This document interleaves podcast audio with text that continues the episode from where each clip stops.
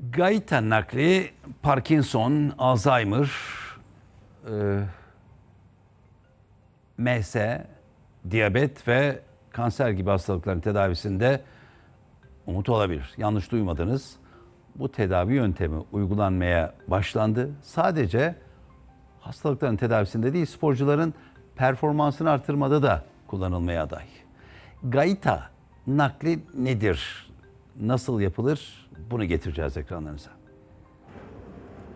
Genetik biliminin yoğunlaştığı konulardan biri de gayta nakli.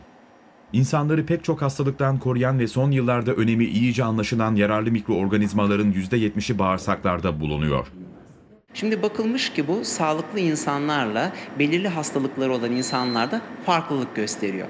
Daha sonra şu tabii akla geliyor. Acaba biz o ortamı yani sağlıklı insanlarda bulunan ortamı hasta olarak nitelendirilen bireylerde de sağlayabilir miyiz? Ve bunun da ön çalışmaları yapılmış.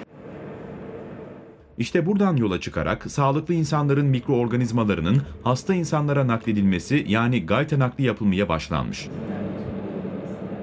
Kanserden nörolojik hastalıklara kadar bu tedavi yöntemi umut vaat ediyor. Parkinson gibi, MS gibi nörolojik ve bazı psikiyatrik hastalıklara da depresyon gibi yaklaşımlarda bunlar belli merkezlerde yapılıyor ve e, kimi yerlerde %40, %50, kimi yerlerde %60, %70'e kadar olumlu semptom giderici sonuçlar elde edildiği söyleniyor. Yani ümit vadeden bir e, protokol. Gayta nakli hastalığa ve hastaya bağlı olarak ya endoskopik yolla ya da kapsüllerin içilmesi yoluyla oluyor.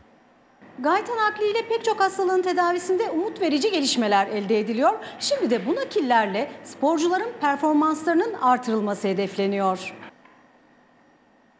Bazen bakıyoruz işte kimi futbolcular, kimi sporcular öyle söyleyeyim çok daha e, atletik performans kapasitesi açısından çok daha yukarıda. Kimileri de aynı performansı sağlayamıyor. Bununla ilgili çok fazla çalışmalar var. Özellikle hayvan çalışmalarında e, özellikle mikrobiyatası değiştirilen e, canlıların %20'lere kadar atletik performansının arttığını gösterilmiş.